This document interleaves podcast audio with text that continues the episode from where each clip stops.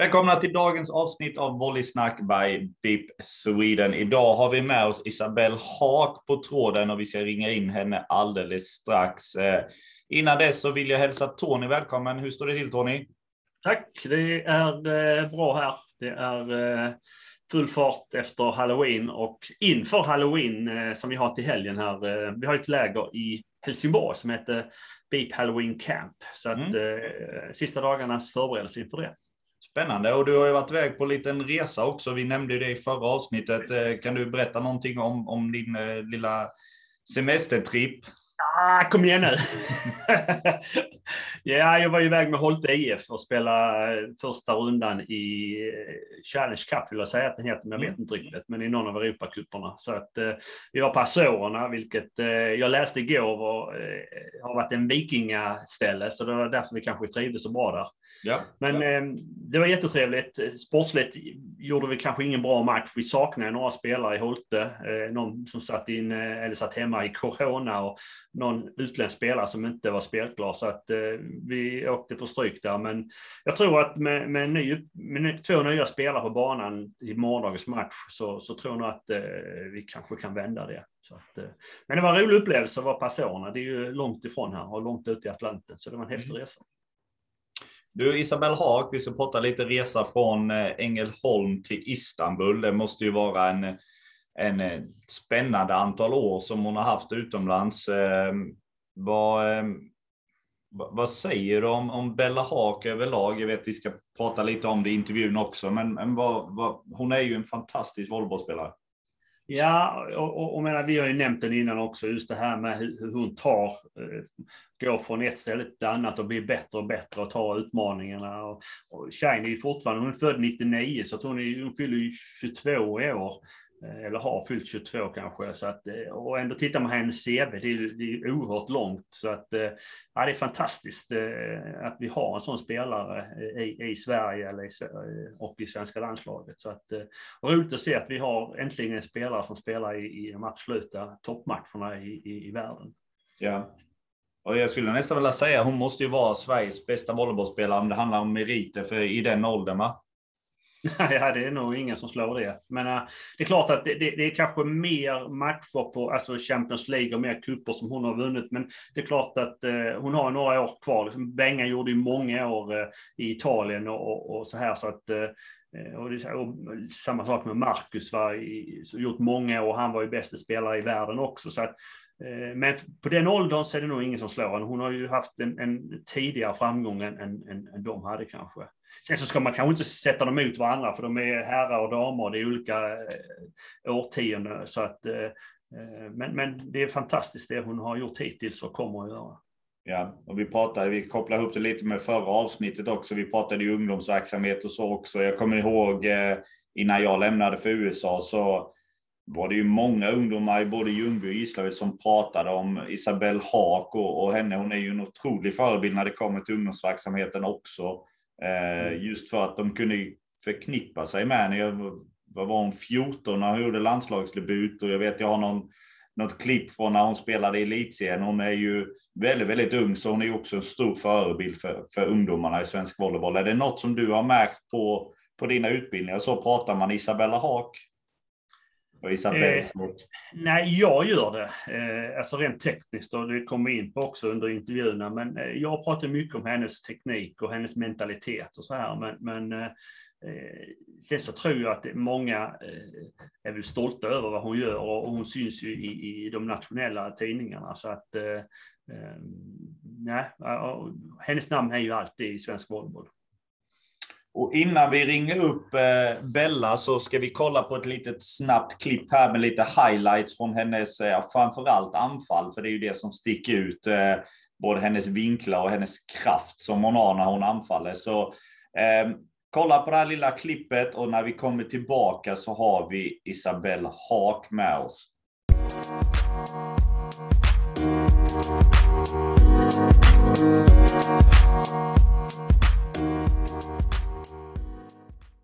Idag har vi med oss Sveriges bästa volleybollspelare. Jag vill hälsa Isabelle Haak välkommen till Volleysnack. Hur står det till Bella? Jo då, det står bra till här. Eh, allt är som vanligt och det är kul att få gästa er. Vi bör, brukar börja med en fråga som är till Tony faktiskt. Eh, och jag har inte använt den på några gånger Tony. Men eh, när du tänker på Bella, vad, vad, vad tänker du på då? Eh, ja, vad tänker jag på? Eh, jag, jag, tänker på en, en fantastisk spelare. Eh, eh, som en, en sprallig spelare, eller sprallig person ska jag säga, som alltid kommer med ett smile, alltid är rolig att Eh, prata med och så här, va? men framförallt en fantastisk spelare. Eh, och jag har ju haft förmånen, liksom att, eller förmånen ska inte kanske vara att spela mot henne, men, men, men att få vara båda sidor nätet med henne. Va? Eh, och, och, alltså, hon är, har du fyllt 21, jag tror knappt det, va? men, men att ha den, den karriären och eh, ja, det är fantastiskt. Och, och vi har ju nämnt, nämnt det innan också, just eh, hur jag tycker din, din mentala styrka är ju det fantastiskt, liksom, liksom att hela tiden kunna ta utmaningar på helt rätt sätt och bara bli bättre och bättre och bättre. Det, som, eh, det är ju en varje hundra år, så att, eh, och här sitter vi med den i år, så att, eh, det är skitroligt. Vad fint, vad snällt. Jag tänker vi ska prata lite om resan från Ängelholm till Istanbul. Det är ju en, en spännande resa och eh, innan vi kommer in på det så kan vi inte undgå den här EM-succén som, som faktiskt hände precis. hur är dina minnen och erfarenheter från, från EM? Eh, jag har bara väldigt bra minnen från EM. Det var ju, vi skrev ju historia, någonting som vi, alltså vi kunde väl aldrig förvänta oss att det som hände eh, verkligen har hänt. Så det var riktigt eh, häftigt att vara med om faktiskt. Och eftersom det var så många år sedan så känns det extra speciellt och också få göra det med den gruppen som vi hade. Man är väldigt nära alla så det känns eh, ja, helt otroligt och även nu efterhand att vi faktiskt har gjort det så. Och har du personligen märkt av något från, från EM-succén? Är det mer eh, är det fortfarande mer som hör av sig och, och är det folk som pratar om det just med dig och så där? Eller har det lagt sig lite grann nu med några veckor i, i bagaget? Nej, men det har väl lagt sig lite. Det var väldigt mycket just precis efteråt och så, men även alltså under tiden som vi var på EM var det väldigt mycket uppmärksamhet så det kändes så himla kul och att SVT faktiskt var med oss där. Jag tror det lyfte en hel del på grund av det och ja, det är väldigt kul att så många har följt det, men eh, det har lagt sig lite nu. Men eh, ja, såklart det kommer lite frågor då och då och folk har också följt det här i Turkiet så det är väldigt kul att de har även uppmärksammat det här. Och vi ska inte gå in för mycket på det, men hur var det att, möta Turkiet? Eh, det var väldigt speciellt. Jag var otroligt nervös faktiskt. Det, det var både min coach som kommer liksom studera till detalj, alltså vad man än gör, så och antagligen scoutat eh, väldigt mycket så och också alla lagkamrater som man är så nära. Det var en väldigt speciell känsla att få stå på andra sidan nätet och spela mot dem. Men det var väldigt kul och jag tyckte ändå vi gjorde bra ifrån oss. Vi hängde med bara de två första sätten i alla fall och sen som att eh, ja, vi gjorde det vi kunde och vi vet att de är en stor nation så bara att få erfarenheten och möta dem var riktigt eh, häftigt.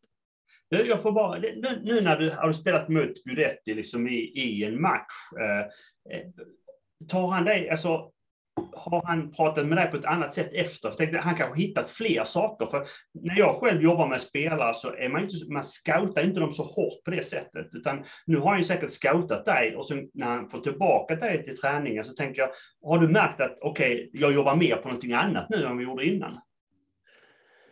Alltså nej, det, eller det känns inte som att så... Det kanske inte du, men han vet det.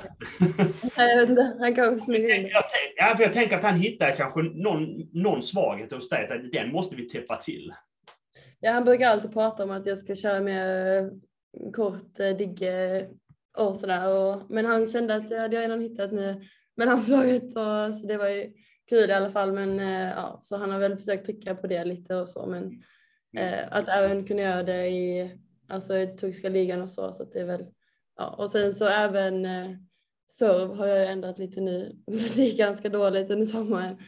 Eh, så jag började kasta med andra handen istället. Eh, och, ja, så det, det har gått eh, lite bättre. Jag har fått lite stabilare kast. Men jag har kastat med vänster hand i åtta år så byta och kunna träna upp det på några veckor är inte så lätt. Men eh, så ja. Men, men jag hoppas att jag är ledsen, men då måste vi backa bandet igen. För det är många som, som börjar med varför kastar de med vänster? Alltså det är väl säkert Jonnes fel någon gång i tiden. Men, men, eh, men varför bör du kasta med vänster?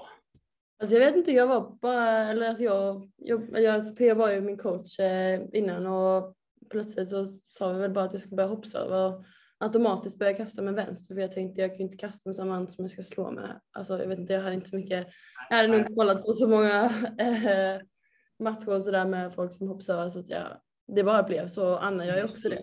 Det är väl något som går i familjen eller något. Så jag ja, jag menar det.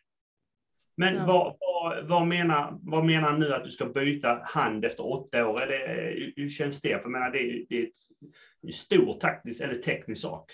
Ja, alltså det, alltså det enda med vänsterhand har gjort de här åren är att kasta. Så det är det jag känt mig trygg i. Och när jag kastar med höger känns det helt okontrollerat, men eh, det är väl bara en vanesak egentligen. Och i, alltså realistiskt sett så har jag ju mer kontroll med höger hand, men ja. har man inte övat in det så känns det såklart ovant. Men eh, det har faktiskt känts eh, bra nu och jag känner att jag får en bättre rörelse och kan öppna upp mer innan jag ska serva. Så att, ja, det, men det är lite konstigt att ändra bara sådär plötsligt. Mm. Mm. Ja, det ska bli spännande att se, spännande att se en eh, hoppserv på 2.0 och se vad som, vad som kommer hända där framöver. Ja, men precis. Det blir spännande. Du, vi pratade med Sofie för ett tag sedan och hon berättade om eh, bussresan till någon av matcherna där det kom ett eh, text eller ett, ett sms från eh, lagkaptenerna att nu ska vi tysta dem eller något liknande. Jag tänker vi ska prata lite grann om att du blev ju lagkapten i, i i EM. Hur, hur kändes det och, och, var det något som du kändes naturligt eller, eller hur kom det sig att du blev lagkapten och vad var det för punkter du ville trycka på som lagkapten i, i landslaget? Alltså det kom väl egentligen för att Jonna är skadad så ja, de behövde väl lämna över den för en sommar liksom. Eh, och jag har ju fått ganska mycket erfarenhet nu när jag varit utomlands så det kändes väl kanske naturligt. Även fast jag är så pass ung så är jag ändå väldigt mycket erfarenhet och det tänkte de väl att jag kunde ge vidare och framstå som ett, ja, ett exempel på något sätt till eh, de andra spelarna så att eh, det kändes naturligt samtidigt som jag aldrig riktigt har sett mig själv som en så här ledare på det sättet. Alltså, jag har aldrig fått ta det ansvaret. Jag har varit i klubbar där jag har varit alltså, väldigt mycket yngre än alla andra och aldrig fått ta den stora rollen mer än att göra så här mycket poäng. Jag har inte varit den som liksom pratar jättemycket eller så. Men det är väl något som jag har fått växa in i och det kommer jag naturligt i landslaget där åldern är lite lägre och där erfarenheten kanske inte är densamma. Så att, eh, ja, det viktigaste för mig var väl ändå bara att vara ett gott exempel och alltså hålla det professionellt mot alltså, tränarrespekt och så och att folk känner att de kan lita på en och komma till en om det är någonting och att ja, de inte känner att, ja, att man inte kan prata med mig för att det är någon jag som då kommunicerar med tränare och så och behöver liksom vara den ja, höga handen för liksom laget som kommunicerar vidare till coachen. Och, så. och hur känner du i, i omklädningsrum och så vidare runt omkring EM? Där fick du den rollen att du kunde ta, ta det utrymmet i, i omklädningsrum och i andra sammanhang? Fick du, fick du möjligheten att, att, att prata inför laget? Ja, jag gjorde faktiskt det första matchen. Alltså jag ganska, eller typ så här, kände att jag ville säga någonting. Det var någon EM och någonting vi skulle göra för första gången. Och ja, så jag kände att jag borde samla laget. Jag gjorde faktiskt det i omklädningsrummet och precis innan första matchen.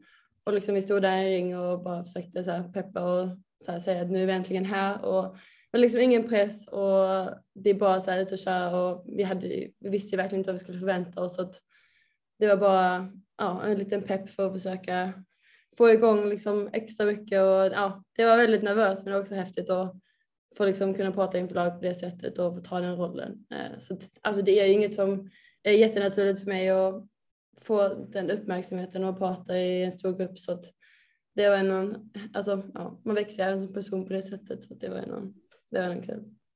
Absolut.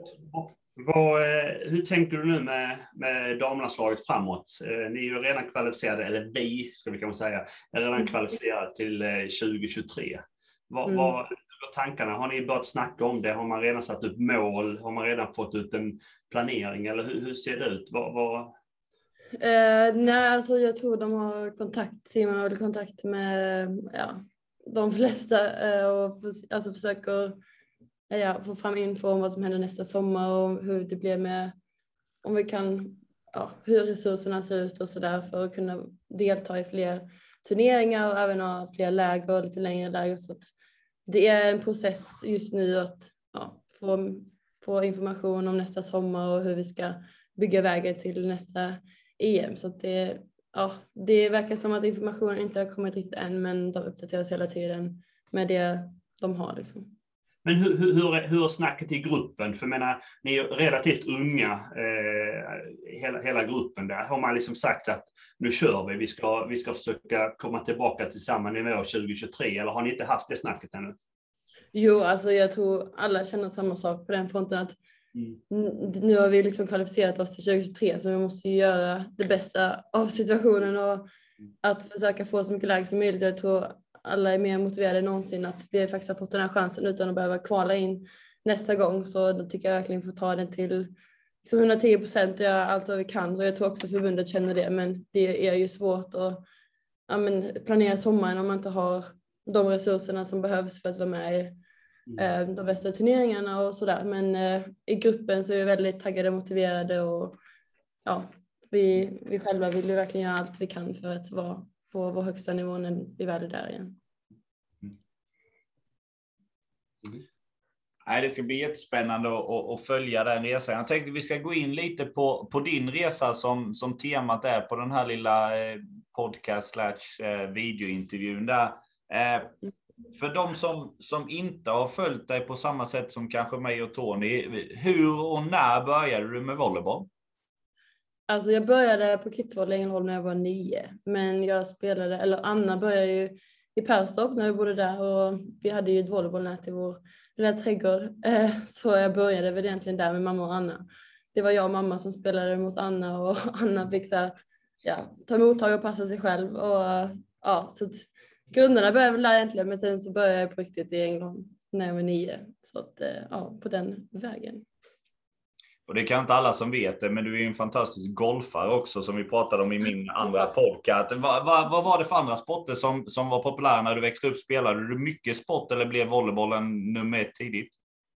Jag tror jag testade en del. Alltså jag gick på friidrott och jag typ dansade. Det var inte riktigt min grej. Eh, men eh, ja, jag gillade ju friidrott men sen insåg jag väl att det var inte riktigt för mig. Jag gillar inte att springa så här eh, långa sträckor och så men ja, det blev volleyboll helt enkelt som jag tyckte var roligast eftersom mamma har spelat och Anna också så blev det ganska naturligt och mamma var ju min tränare och så. så det, ja. Och vi hade med oss en, en jätteduktig ungdomstränare i förra avsnittet så det blir ganska naturligt att prata lite om ungdomsåren. Eh, vad är dina starkaste minnen när du tänker tillbaka från, från ungdomsåren? Oj. Alltså jag vet inte, typ alla så här turneringar, typ SM och så med, alltså från ung ålder har alltid varit det bästa jag vet att få sova i så här små skolsalar. Någon med, alltså det har varit så himla en mysig grej ändå.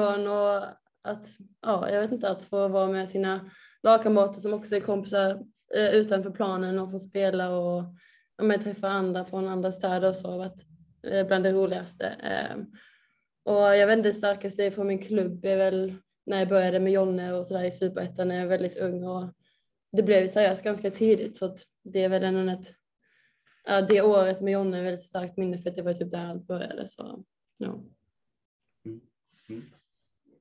Ja, och du, du eh, kommer rätt så snabbt in i landslaget. Eh, jag, jag, jag, jag, detta var ju precis när jag själv kom hem till Sverige. Jag visste inte vem du var. Eh, och det var lite roligt här att, att, att helt plötsligt så byter de, jag tror det var Andrea, så kom det in en liten 14-åring från Ängelholm. Jag tänkte, ja, ja, ja, ja, ja, vad gör de nu? Men den där, den där 14-åringen, hon hade ju liksom ingen respekt, utan hon gick in och smackade på bollarna en efter en liksom. Och, eh, det var min första upplevelse där, eftersom jag, miss, jag missade ju allt från ungdomsåren där du var dominant. Så att, va, va, hur, hur, hur kommer du själv ihåg din debut i landslaget? Ja, så jag vet inte, jag komma till landslaget, alltså jag, jag och Anna blev uttagna samtidigt så vi var lite så här, vi var väldigt taggade men också hade väldigt hög, alltså stor respekt för landslaget och var bara, ah, vi är bara här och testar lite. Men eh, ja, sen så var jag väl där på bänken och sen så fick jag komma in. Jag kommer bara ihåg att man, man har ju typ inget konsekvenstänk när man är så ung typ. Jag bara, ah, men det är väl bara att spela. Jag hade liksom ingen taktik och ingen aning om så här, hur man slår vinklar. Alltså, visste ingenting typ Så att jag vet inte, jag tror jag bara, alltså jag kommer typ inte ihåg hur jag tänkte för jag tror inte att jag tänkte så mycket utan jag bara gick in och körde och det var väl det som var det vinnande konceptet till slut för att det är alltid lättare att bara köra utan att tänka på någonting egentligen så ja, men det var väldigt häftigt. Jag tror inte jag fattade vad jag gjorde när jag var där. Eh, så det är kul att tänka tillbaka på det och förstå ändå hur stort det var och att jag var så ung att jag ändå klarade det. Så det, det är ganska kul. Vi pratade om det innan samtalet här. Jag kommer ihåg den matchen i, du kanske gjort någon tidigare, jag är inte säker på det, men i, i Halmstad Arena. Jag tror det var lördagen, ni skulle spela söndagen också. Du gjorde det bytet. Sen tror jag inte du har gått av banan sen dess. Det var, eh, jag, sa till Tony, jag kommer ihåg jag hade gjort en uppdatering på Facebook att, eh, att jag nästan krävde att du skulle spela igen för att det var så häftigt att se. Det blev en helt energi i arenan när du kom in. För det var som Tony sa, ingen visste riktigt vad som skulle hända. Men det, jag tror inte Andrea tyvärr, eller tyvärr och tyvärr, så fick nog inte se banan mycket mer efter det inhoppet. Och det är fantastiskt att resan började där med landslaget. Ja, det är faktiskt eh, väldigt häftigt och ja, man önskar man kunde uppleva det igen på något sätt och ja, när man faktiskt, jag vet inte, man tänkte inte så mycket då så det är bara, jag vet inte, man bara körde. Du, vi ska gå vidare lite på resan där och efter eh, nästa delmål är ju Frankrike och du ska faktiskt få uttala klubben själv för annars kommer jag nog få eh, bli eh, roastad här på nätet. Eh, som, eh, vad, vad, vad hette klubben i Frankrike? Hur uttalar du det? Bessier. Ja, just det. det så kan man ja, det hade jag inte uttalat det som, men det blir jättebra. Eh, hur tänkte du och valde du när det blev eh, första proffsklubben? Uh, ja, det var väl mamma var väl lite min manager där. Uh, alltså jag har ju lite, jag är halvfransk och har familj där och så det och klubben kände, eller nivån i franska ligan kändes väl som nästa steg på något sätt och ja, eftersom mamma kan franska tog hon väl det i sina händer och skrev till några klubbar och så ja, bara för att testa liksom och jag visste inte, jag hade inte så stor koll på franska ligan och så många ligor överhuvudtaget. Eh, men det kändes som ett kul steg, dels att jag kan språket och också nivån på det. Så ja, det var ju någon som svarade mamma då. Så jag åkte dit och provtränade för dem och ja, sen så blev det påskrivet kontrakt. Det som är lite intressant där, det är ju att, att du säger att ni skickar ut eh, till klubbarna, men under samma period så hade jag ju massa samtal från USA hela tiden eftersom jag har mycket kontakt med USA och de får inte prata direkt med dig. Utan mm. många av universiteten ringde ju mig hela tiden och frågade liksom, kan du prata med Isabelle, kan du prata med Isabelle? Och du mm. hade ju bland annat Texas, men Jarrett eh, och Eric var ju över flera gånger och, och det var fler som var här och tittade. Eh, var det mer intresse från USA än från Europa under den perioden på dig?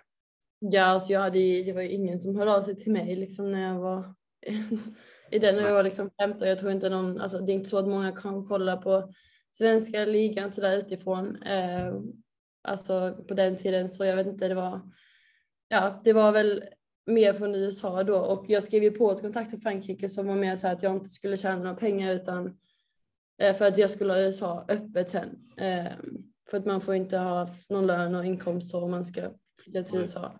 Mm. Eh, så att jag var ju ändå lite så här, en balansgång mellan vad jag ville göra om jag ville typ åka ut i proffslivet eller börja på college. Så att ja, det, jag hade mycket kontakt med Jared och som du säger och ja, jag vet inte, det var väl hela året i Frankrike för jag tänkte på vad jag ville göra näst och jag hade ingen aning om jag ville plugga vidare eller om jag ville chansa ifall någon ens var intresserad efter eh, säsongen i Frankrike så det var ganska svårt.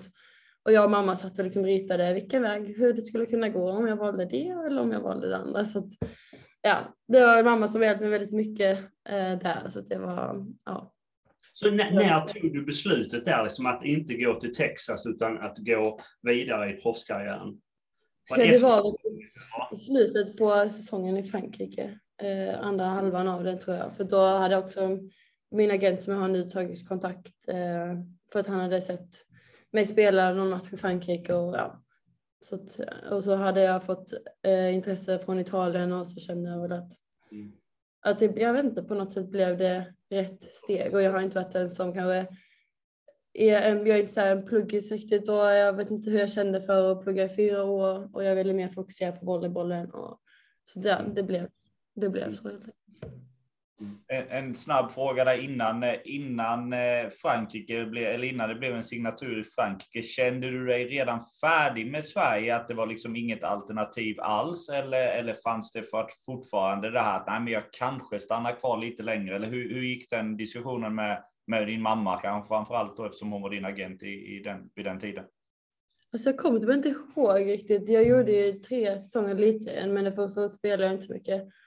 Men ja, det blev väl alltså jag, både jag och mamma kände väl att det, alltså att jag var redo för nästa steg och jag vet inte hur vi kom fram till det riktigt. Men, för jag hade ju hela gymnasiet kvar också i Sverige. Så det var inte så att det var lätt att bara, nej men nu åker jag utomlands, utan jag var ju tvungen att se ifall det fanns skola på distans och så och ifall mamma ens kunde hänga med utomlands. För att hade inte hon gjort det så hade jag ju absolut inte kunnat alltså, fortsätta eller åka utomlands för att, att klara skola och så själv när man liksom 16, så här, tre år på gymnasiet på distans tror jag hade varit ganska svårt. Eh, så ja, det, jag vet inte, vi kände väl att jag hade gjort två bra år i elitserien och att det var kul med nästa steg och att Frankrike var så nära oss så att det blev naturligt ändå. Mm.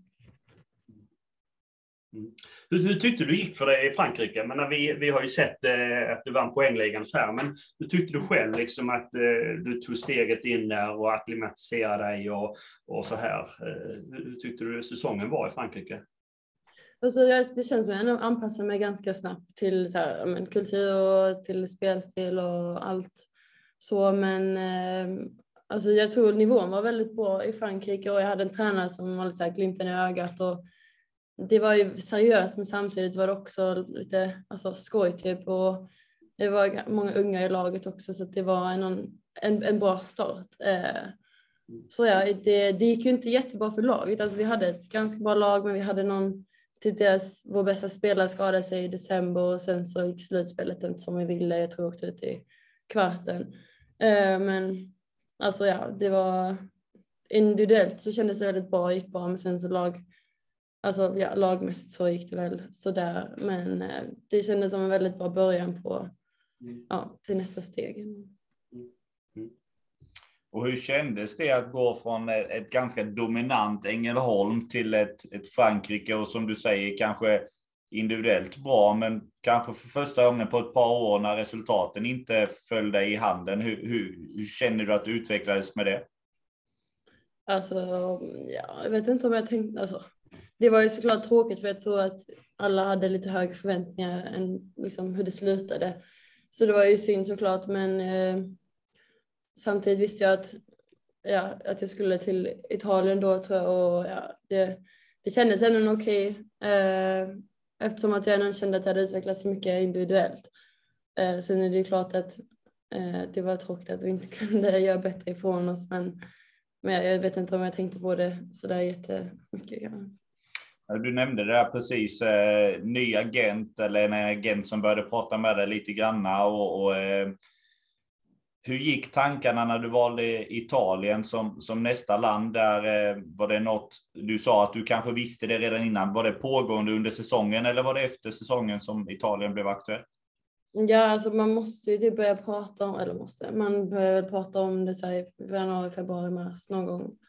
Eh, så det är ju alltid en alltså, konversation man har med sin agent och ja, man signar ju ganska tidigt ändå till nästa säsong. Så att jag, ja, men jag, sen visste jag inte om det var rätt steg. Alltså jag hade inte, innan Frankrike hade jag ingen koll på några internationella ligor alls typ och jag inte så bra koll på nivån så vi började ju verkligen kolla på allt i Frankrike typ. så att eh, ja, och sen så pratade jag ju då med min agent, eller mamma pratade med honom mest eh, ja, så att, och mamma fick åka och besöka några klubbar i Italien och för att se om det kanske passade lite. Men alltså, ja, sen är det alltid svårt att veta hur nivån kommer bli för en. Men ja, så ja, det kändes ja, som rätt steg ändå.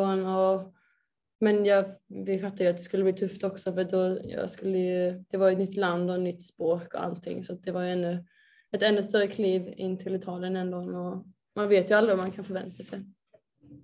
Mm. Vad, vad, du sa språket, där lärde du italienska eller coachade de på engelska eller hur, hur funkar det för dig det året, eller de två åren?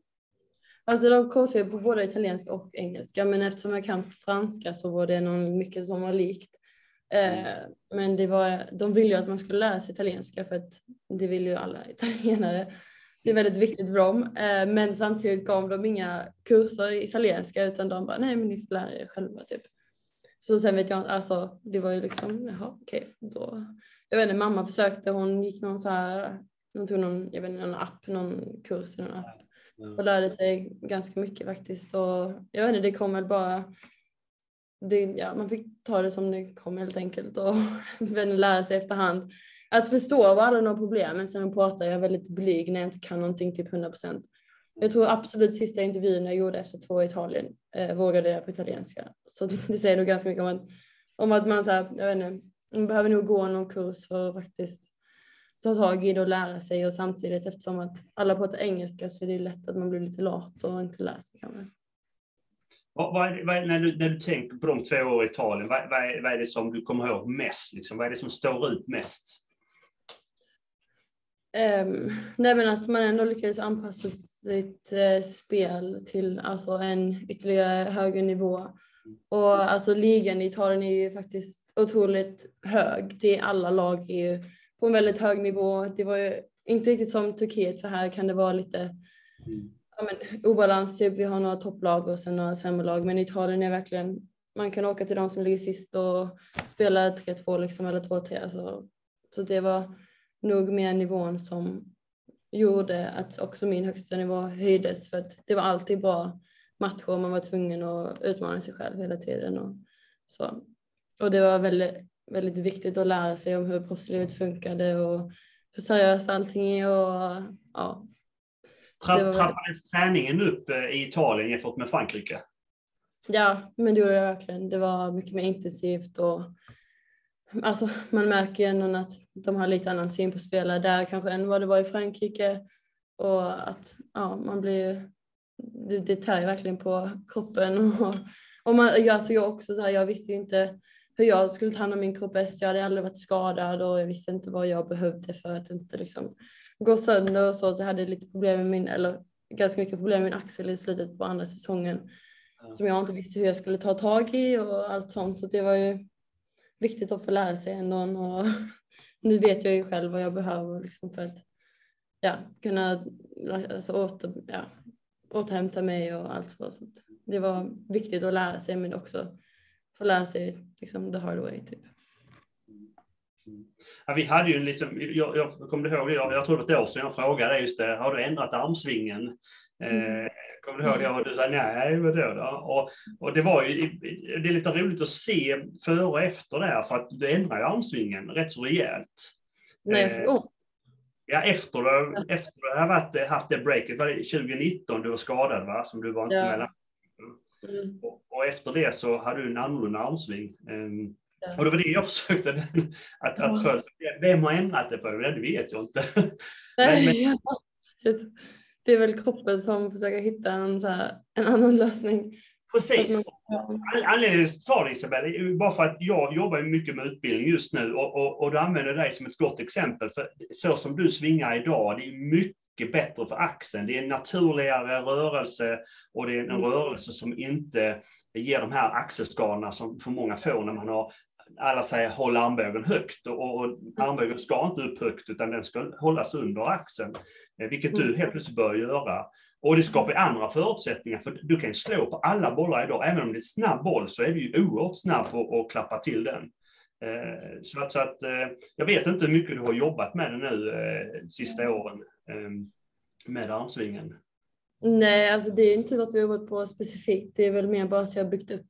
Mm. muskler som var väldigt, väldigt svaga där eh, när jag var skadad. Så att, och jag tror man, alltså kroppen bestämmer sig helt enkelt för att ta, alltså jag vet inte, typ ta den lata vägen när man får ont och försöka alltså kompensera på andra sätt. Och, och det blev väldigt onaturligt utan att man märker det och jag slog inte igenom och alltså ja, allt var väldigt, verkligen dåligt. Så sen så tror jag när jag kom till Turkiet så tog de verkligen hand om den och vi började liksom från noll igen typ.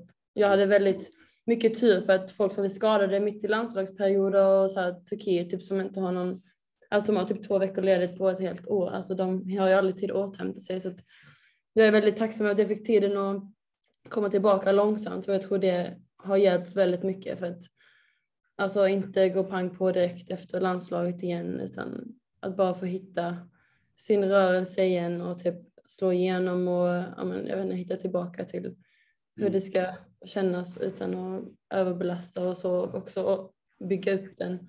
Alltså jag kör ju fortfarande liksom gummiband innan varje träning och ja, jag gör allt, alla övningar för axeln fortfarande. Så det är nog inget som man kommer undan någonsin. Nej, nej, nej.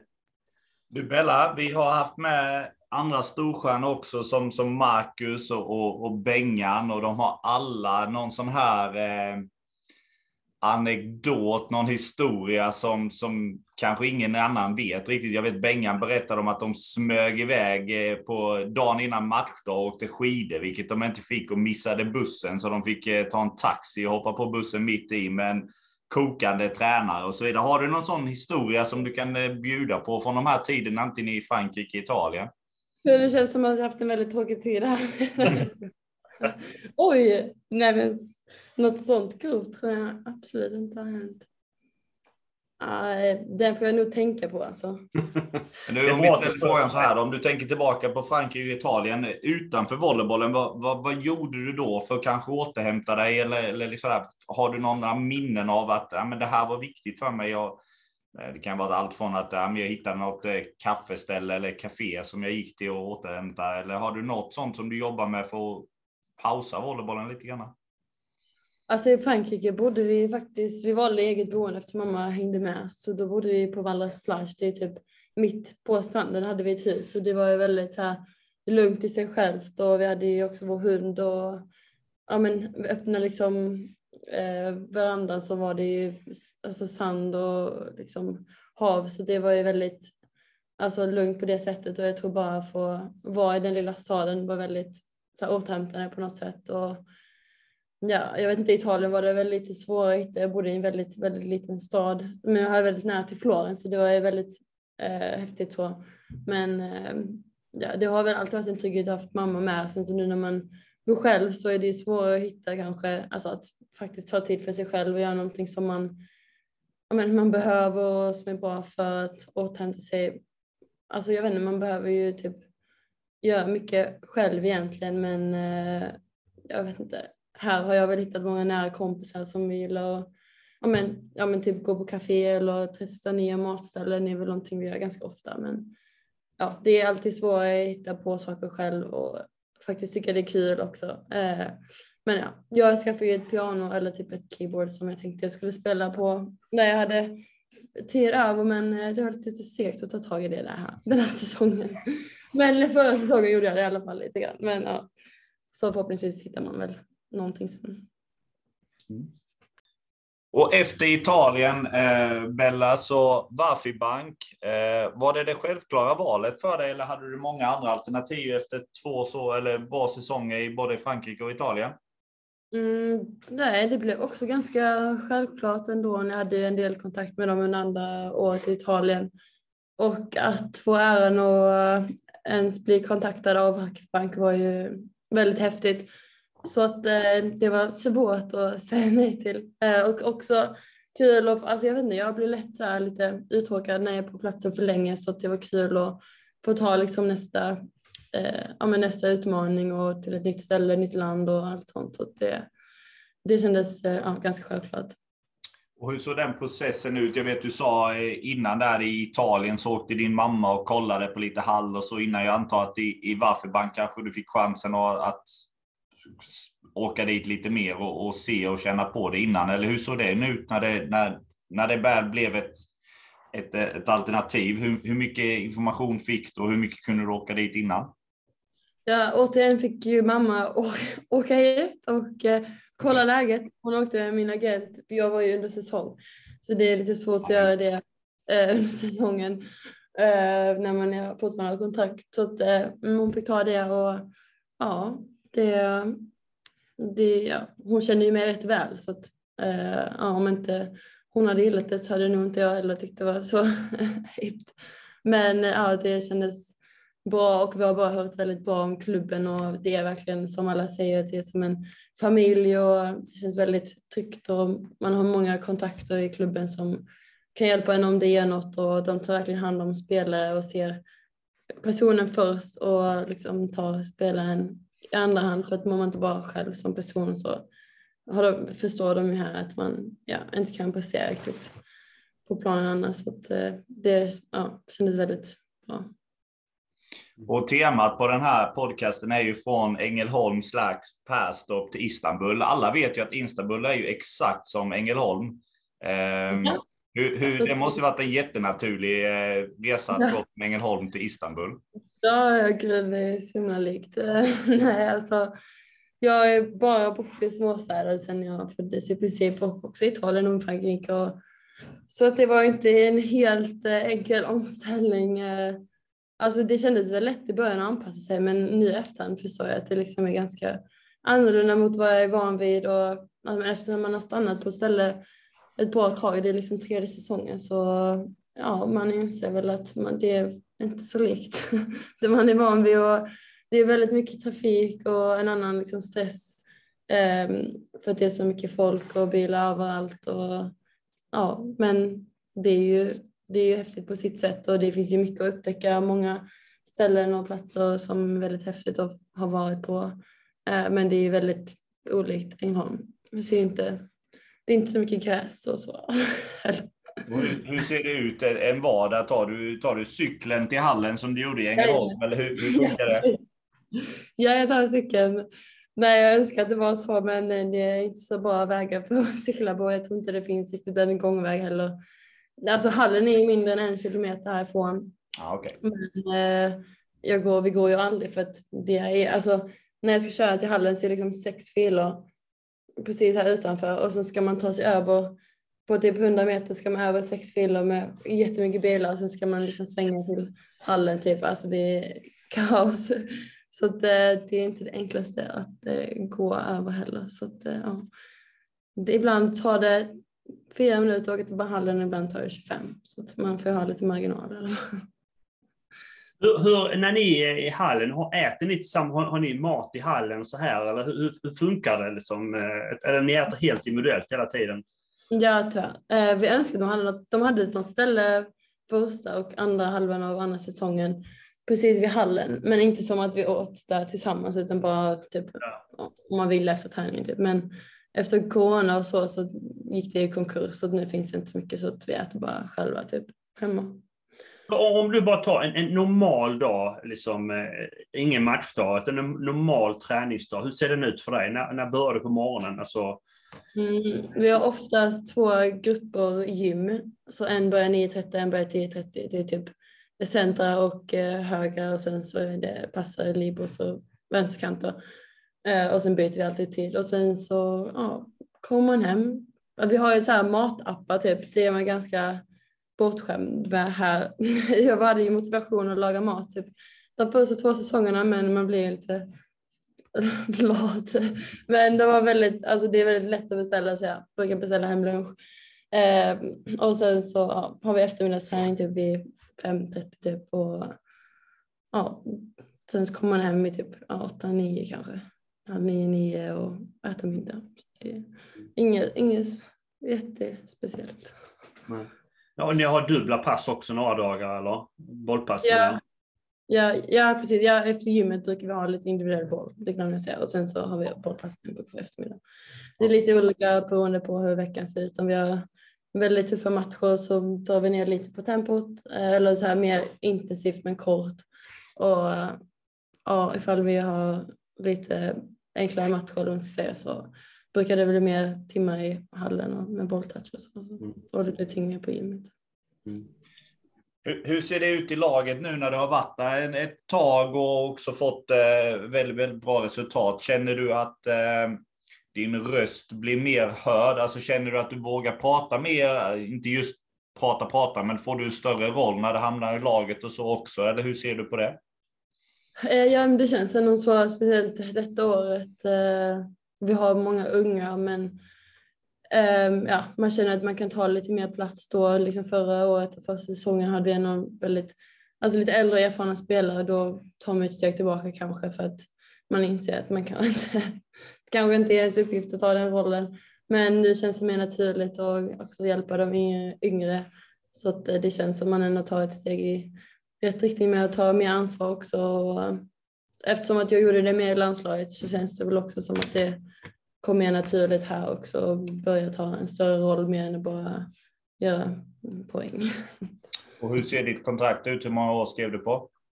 Detta är sista. Detta är tre, tredje. Ja, så jag hade ju treårskontrakt så det är sista nu. Så du har redan klart för du ska nästa? Nej, vi får väl se. Nej, jag ska inte pressa dig på det. Men du, vi ska prata lite mer Vaffelbank. Eh, hur, hur, ser mm. målet ut för, för laget i år och eh, har du något individuellt mål som du jobbar på eh, för att uppnå detta, denna säsongen? Eh, oj, oj. Vi har, ja, klubben här har ju alltid det högsta av de högsta målen. Så det är väl att de vill vinna fem av fem kupper här så det är ju bara att köra på. Eh, men det känns, det är klart det blir tufft och vi har ju speciellt i Champions League och så.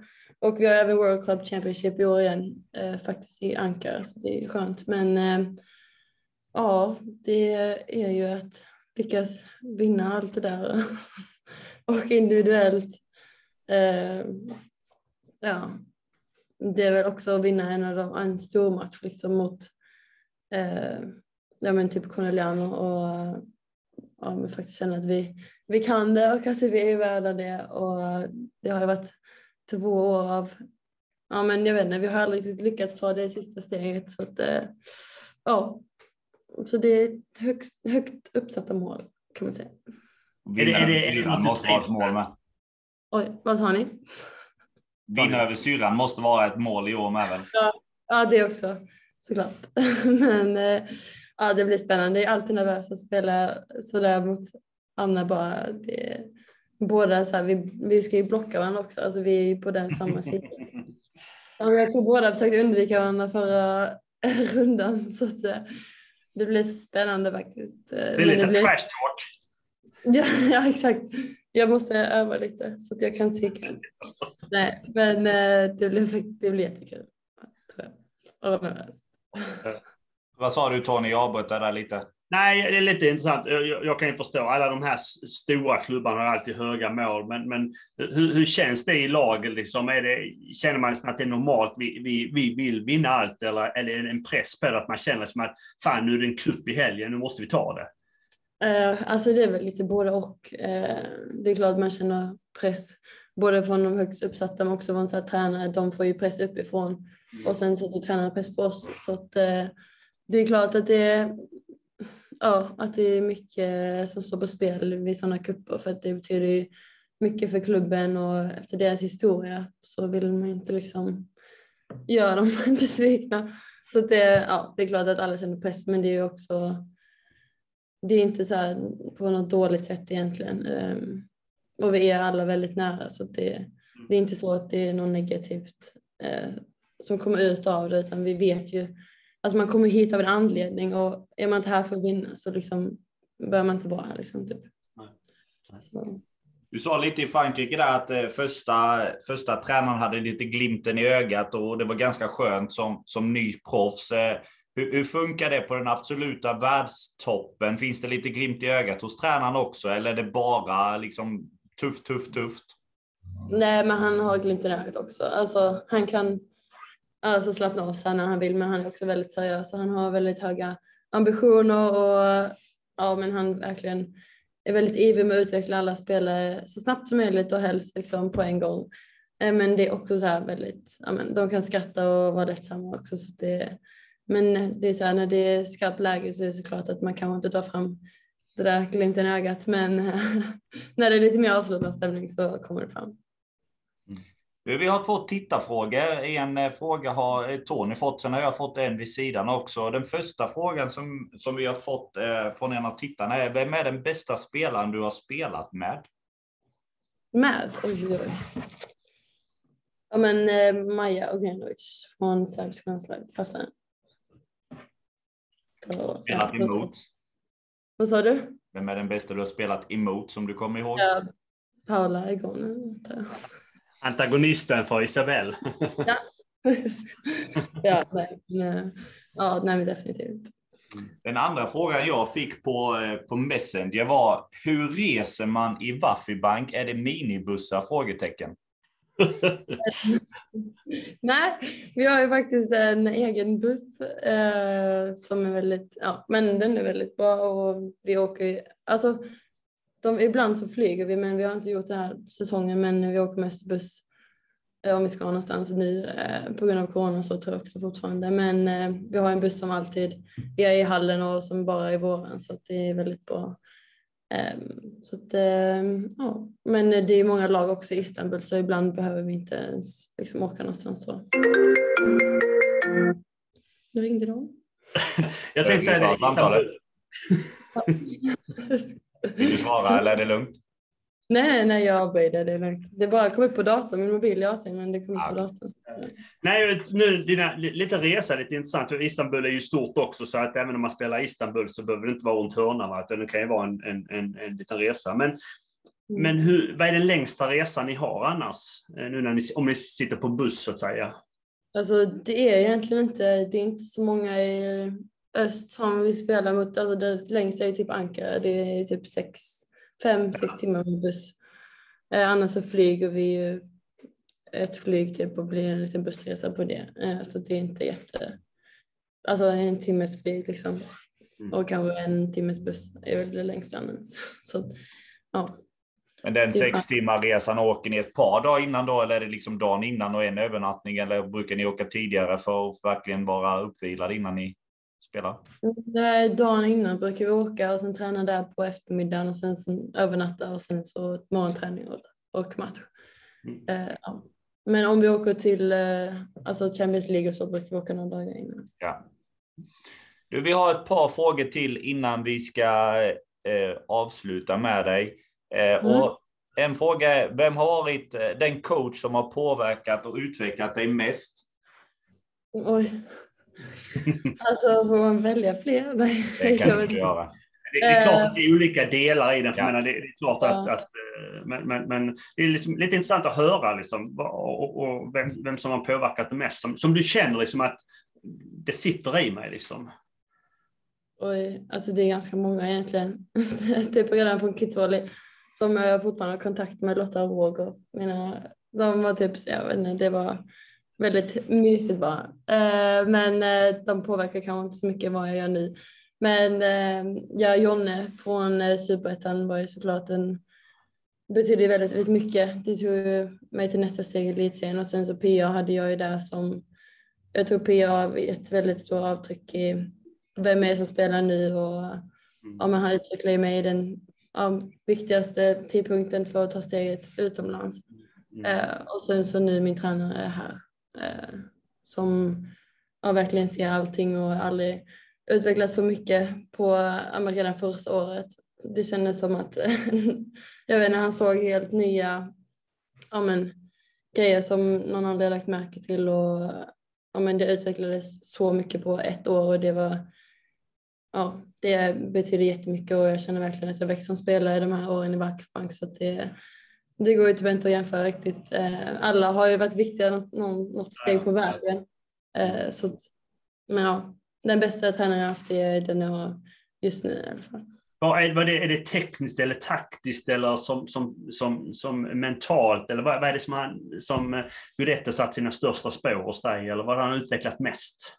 Ja, alltså både och egentligen mest tekniskt än att använda alltså, vinklar och vilka lägen och för att i Italien var det så här också när man ska ta sig an höga bollar och de var så här, men bara sätt in bollen typ och vi ska spela om det. Men så kom jag till Wackbank och så var det så här, men nej men typ han kollade på mig sen, vad gör du? Rullade bollen till liksom position 6? Alltså du ger ju dem en gratisboll typ. Mm. Uh, så att han bara, du måste verkligen gå allt vad du har på höga bollar. Jag bryr mig inte om du slår ut, men det är ju de bollarna som är de viktigaste till slut. Uh, och kan man ja, ta sig an de bollarna så kan man fixa det mesta. Så att, eh, det har varit mycket tekniskt men också taktiskt att våga göra vad man vågar göra i de mest pressade lägena och ja, så att han utmanar mig väldigt mycket och det har fått mig att växa väldigt mycket som spelare. Mm. Och följdfråga på det, vad, vad, tycker du är dina starkaste styrkor som spelare? Om du skulle nämna dig själv som, eh, vad har du för starkaste styrkor? eh, ja, Spike. ja, det är väl det som är mitt jobb. Så att, eh, ja, det får man väl säga. Om ett år så har vi den nya serven som kommer vara självklar. Ja, just det, den nya ja, nej, men målet är ju nu att i alla fall alltså, få till eh, mer, alltså högre servhastighet. Eh, så skitsamma hur mycket misstag, eller nej, inte skitsamma, men eh, alltså mer så här, ta i eh, så mycket jag kan än att bara rulla in bollen. Typ. För jag hade lite problem med mitt kast innan och då blev det lite så här, men, ibland blev det en gratisboll för att kastet var otroligt dåligt så får man bara fixa in det. Men ja, fokusera mycket på att få till en väldigt hög hastighet. Ja. Nej, men det, det låter som det är någonting som du jobbar med. Är det något mer du jobbar som, som spelare just nu som du tycker liksom att det här vill jag bli bättre på? Mm. Alltså, det är väl saker hela tiden. Eh, men eh, vi pratar mycket om så här, avgöra i pressade lägen, att mm. våga använda mer vinklar, typ inte alltid avgöra på sin trygga punkt. Eh, för att till slut vet de ju eh, vad man gör i det pressade läget. Det är ofta det vi scoutar också, vad folk gör när de är som mest pressade, när, mm. när ställningen är som mest tajt. Mm. Så att, eh, det är mycket det. Vad är, vad är ditt favoritslag? typ Uh, alltså jag slår alltid typ över mellan 5-6 typ. No shit. no shit. Speciellt ingen. Jag försöker öva, öva på lite annat, lite mer digga och så. Men det kommer väl någon ja. dag. Ja. ja. Nej, men, och det är ju så, menar, eh, menar, du är så pass duktig så är det klart att även om du har ett favoritslag så, så måste de täcka allting annat. Och även om de vet vad ditt favoritslag är och de står på rätt ställe så det är inte alltid de tar den för att du går över block och sådana grejer. Så att eh, man behöver ju inte ändra sig eh, bara för att de andra vet. Va? Vinner man så vinner man där och då kan man gå där igen. Ju. Ja. Att, men, ja, men det är klart, det är, inte bara jag som vet att det är ditt favoritslag. Men, men, men, du vinner ändå. Ja, ja ibland så. Nej, man lyckas väl ibland. Du Bella, vi har pratat lite från Ängelholm till Istanbul. Är det någonting som vi har missat i den här resan som du har gjort? Mm, nej, jag tror inte det. Men du det mesta.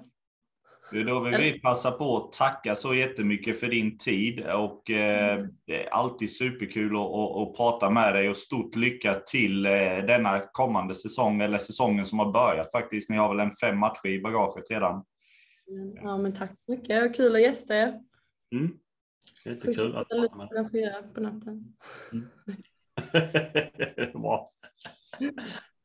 Så Tony, då har vi precis lagt på eh, med, med Bella. Ehm, vi nämnde det i försnacket, resan Ängelholm till Istanbul. Eh, det ser ut som hon har anpassat sig väldigt, väldigt bra från, från Frankrike till Italien till, till Istanbul. Varför tror du att hon klarar att anpassa sig så pass mycket?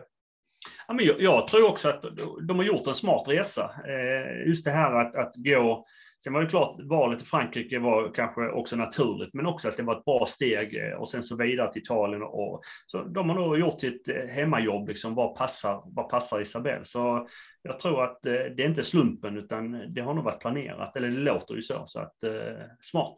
Ja, och det är ju väldigt intressant, framförallt eftersom man kanske lite mer intressant för mig som sitter i USA, men jag vet ju också hur många college som var intresserade av henne. Du fick ju otroligt mycket kontakt där, men de hörde ju även av sig till, jag tror de hörde av sig till väldigt många svenskar överhuvudtaget. Jag vet eh, Hawaii hörde av sig till mig och bara frågade om jag visste vem hon var och om jag kunde liksom prata gott för dem och sådär. Så det, det är ju häftigt att höra den resan med. Jag undrar om det verkligen var nära att gå till college eller inte. Jag tror att det var nog längre ifrån än vad man tror efter första året i, i, i Frankrike. Mm. Ehm, men det ja, jag tror det också. Jag, jag, tror det är som i början då när hon var i Sverige, när, när de började upp, eh, uppmärksamma henne att, att USA var närmare. Men sen så när hon kom ut i Frankrike och kände liksom att det här jag vill göra, då, då tror jag nog rätt så snabbt, och det hör vi på henne också, att hon vill göra volleyboll, hon vill inte plugga. Så att eh, det, var, det svängde nog lite tror jag. Det var nog mer USA kanske när hon spelade i Sverige och sen så blev det ändrat när hon kom utomlands. Ja. Vilket jag tror var ett smart val. Ja, absolut. Och det är ju häftigt att höra det här när vi ställer frågan vad kommer du ihåg eller hur började det med volleyboll? Det var liksom mamma och syster i, i baksidan av, av eh, huset i trädgården. Och det är nog många som börjar så. Jag kommer ihåg mig själv, jag var med på en podcast. Det var liksom när man tänker tillbaka, vi hade en beachplana i, i Mellby strand och det är nog många som börjar liksom i, i trädgården. Och just den resan för att gå från från Perstorp i, i en baksida trädgård, eh, spela två mot en till att liksom möta de här superstjärnorna varje dag. Det är ju helt fantastiskt. Mm. Ehm, det andra jag tänkte på som stack ut lite också är ju om man går tillbaka till ungdomsverksamheten som vi båda pratat mycket om. Det var ju liksom även till den här dagen när hon nämner vilka tränare som har betydligt mycket så är det liksom de här första tränarna också. Så det är kul att se hur jordnära hon är när det handlar om eh, sin utveckling till att bli absolut världsstjärna. Men också viktigt att vi har duktiga ungdomstränare och utbildade ungdomstränare. Så ja. att eh, man, man får en bra start. Du, vad har vi framöver? Vi har ju ett spännande avsnitt även nästa vecka. Ja, Lennart Neovius. Eh, tidigare förbundsordförande, eh, nu uppdrag i ordförande i Nefsa och sen uppdrag både CV och FAVB. Eh, så det ska bli fantastiskt roligt att prata med, med Lennart. Mm. Du, jag vill passa på att önska stort lycka till med, med Holte innan vi avslutar här vi och, och att du får en fortsatt trevlig vecka så hörs vi om en vecka igen. Det är samma Daniel, gå och lägg dig nu. Ja, ha det så gött. Hej. Hej.